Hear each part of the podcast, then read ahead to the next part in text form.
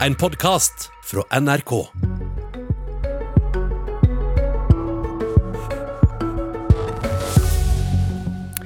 Arbeiderpartiet vil bremse farten på auken i bensinprisen for å nå klimamåla.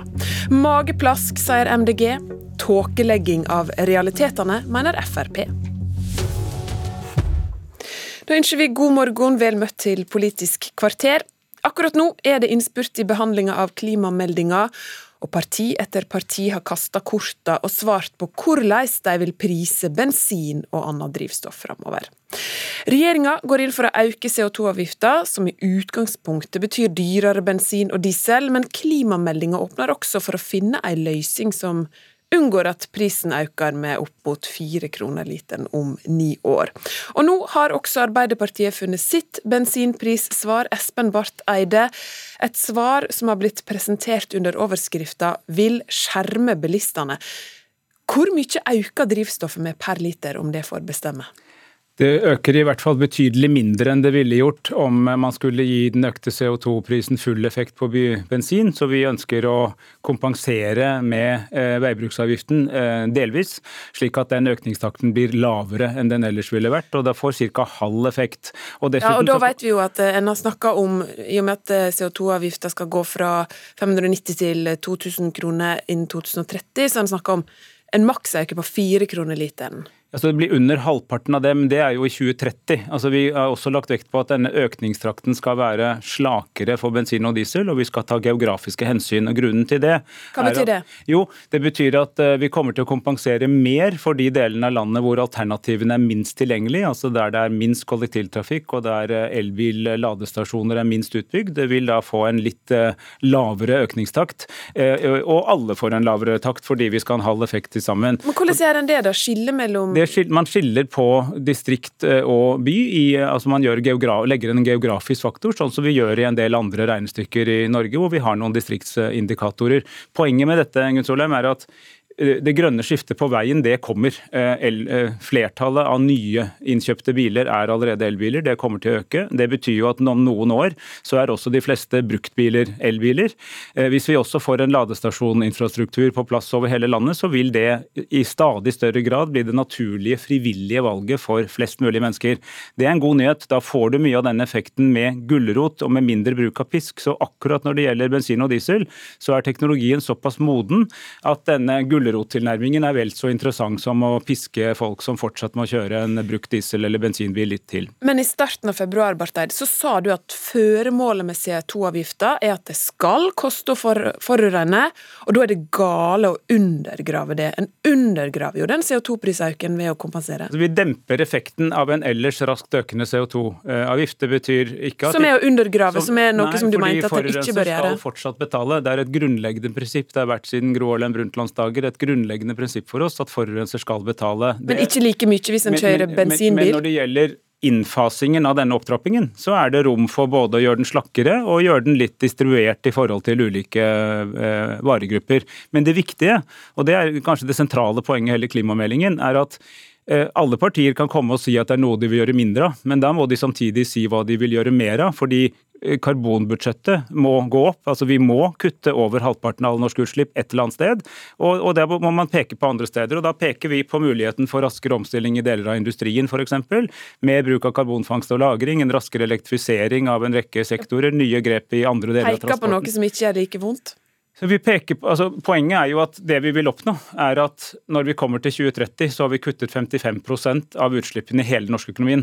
Det regnestykket får vi til å gå opp, og vi har et konkret utslippsbudsjett som eh, et vedlegg som viser hvor vi vil ta de kuttene. Og jeg utfordrer da andre partier eh, som eh, er mot noe, og sier at det må det gjerne være, men hva er de da for? Ok, Det betyr at ved å kompensere på bensinpumpeprisen, så innser du at du òg øker går ikke utslippene like fort ned, men da sier du det tar vi igjen med, teknologi, med teknologioptimisme?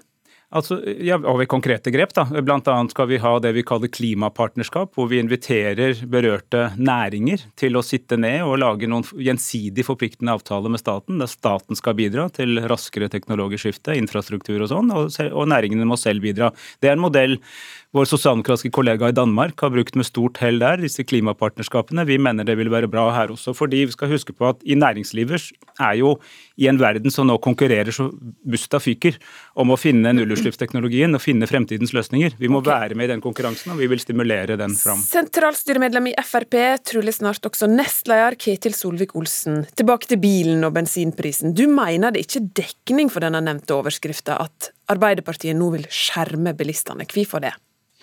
Det er jo litt parodi når han sitter og sier at han skal bruke mindre pisk fordi at teknologien gjør at det blir mer gulrot. Det han snakker om nå, er jo å bruke mer pisk. Han skal jo, han skal jo øke bensinavgiftene med to kroner de neste årene. Det betyr altså at dagens bensinavgift er allerede skyhøy. Den er på 6,38 kroner. Så skal han legge på et par kroner til, pluss moms, så snakker vi om over 10 kroner per liter eh, i avgift.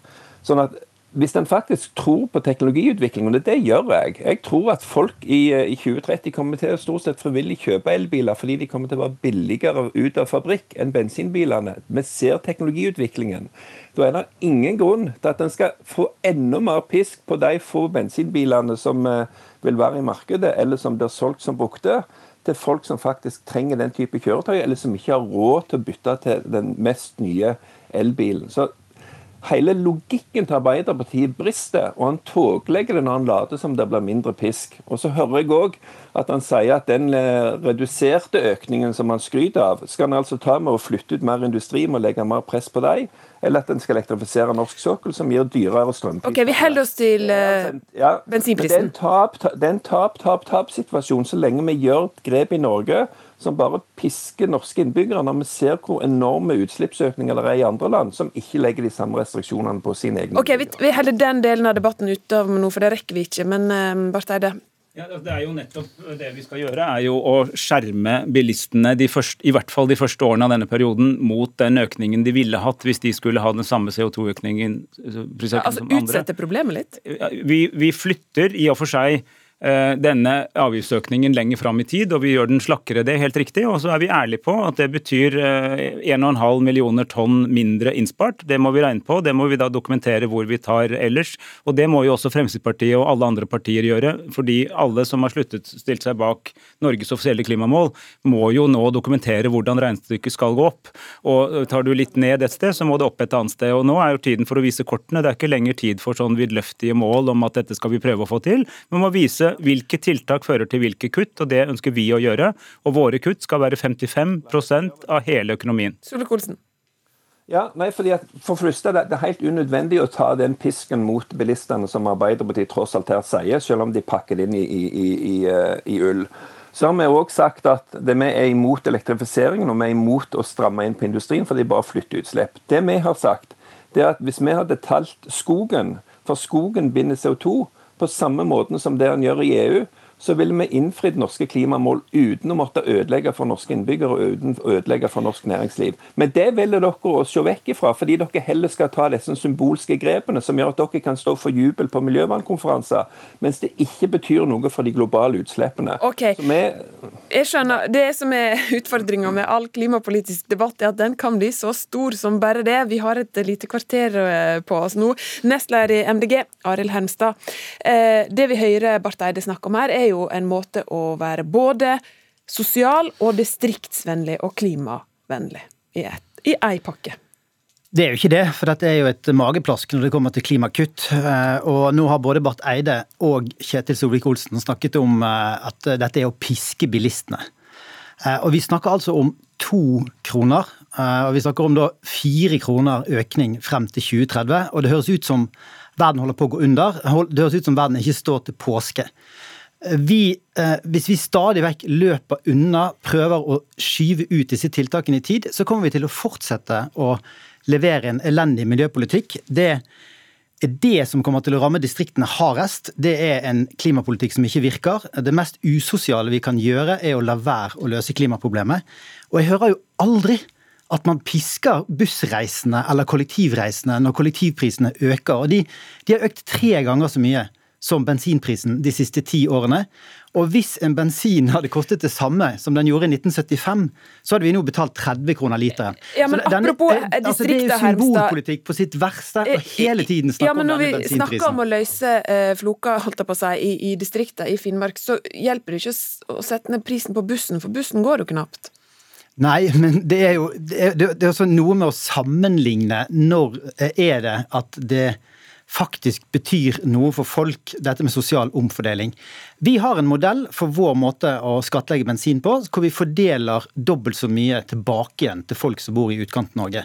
Det mener jeg vil løse den floken. når Men det går gjelder utenom det med pumpeprisen. Jo, det vil jo, altså Pumpeprisen vil bli høyere for alle, men du vil få refundert en god del av det mer hvis du går for en modell som det vi i Miljøpartiet De Grønne vil ha. Okay, men jeg tror vi må løse klimaproblemet både i byene og distriktene. Vi kan på en måte ikke skyve enten fattige eller folk i distriktene foran oss for å la være å gjøre de klimatiltakene som må til. Men det jeg er enig med Hemstad i, er at klimapolitikken må levere varen. Og varen er altså et definert antall millioner tonn ned. Det er målbart, og vi kommer til å kunne måle nøyaktig om vi klarte det eller ikke i 2030. Jeg vil bidra til at vi klarer det. Så er spørsmålet hvordan du fordeler de kuttene. Fordi klimapolitikken må være både effektiv, men også sosialt rettferdig.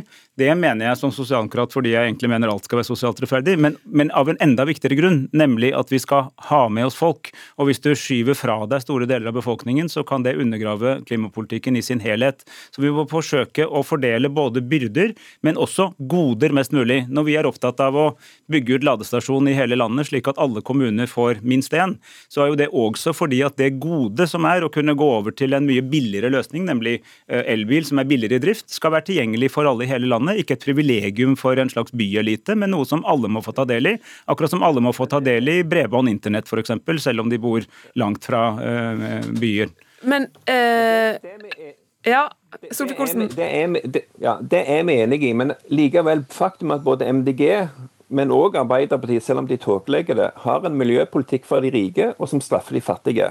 Fordi at Nå har vi altså hørt eh, Espen gang på gang prøve å si at han skal være måte, snillere med bilistene, men faktum er han foreslår å øke belastningen for de som eier bensin- og dieselbiler òg i framtiden, selv om elbilene vil være mer konkurransedyktige. Det er ikke vits i å komme med den pisken som Espen har, når vi vet hvordan elbilene ut av fabrikk kommer til å bli bedre. Men at MDG mener det, det er forståelig, for MDG har jo sagt at det er kun de rike som kjører bil. Det viser jo bare hvordan de er fullstendig utakt. Solvik-Olsen hører jo ikke Nå er det angrep i flere Jo, retninger men, her. men jeg har lyst til å si veldig kort, Inge Solheim. Solvik-Olsen lytter ikke ordentlig til det jeg sier. fordi at de første år, Hvis vi økte bensinprisen kraftig de neste par årene, så ville det vært et stort inngrep. For mange mennesker har ikke anledning til, eller råd til, eller ennå klart å få seg en elbil. Mot slutten av perioden vil det se veldig annerledes ut, som Solvik-Olsen også sier. Da vil vi fordele denne økningen litt annerledes og ikke direkte lineært, eh, i tillegg til at vi gir det en halv effekt. Og så vil vi bruke mer energi på å gjøre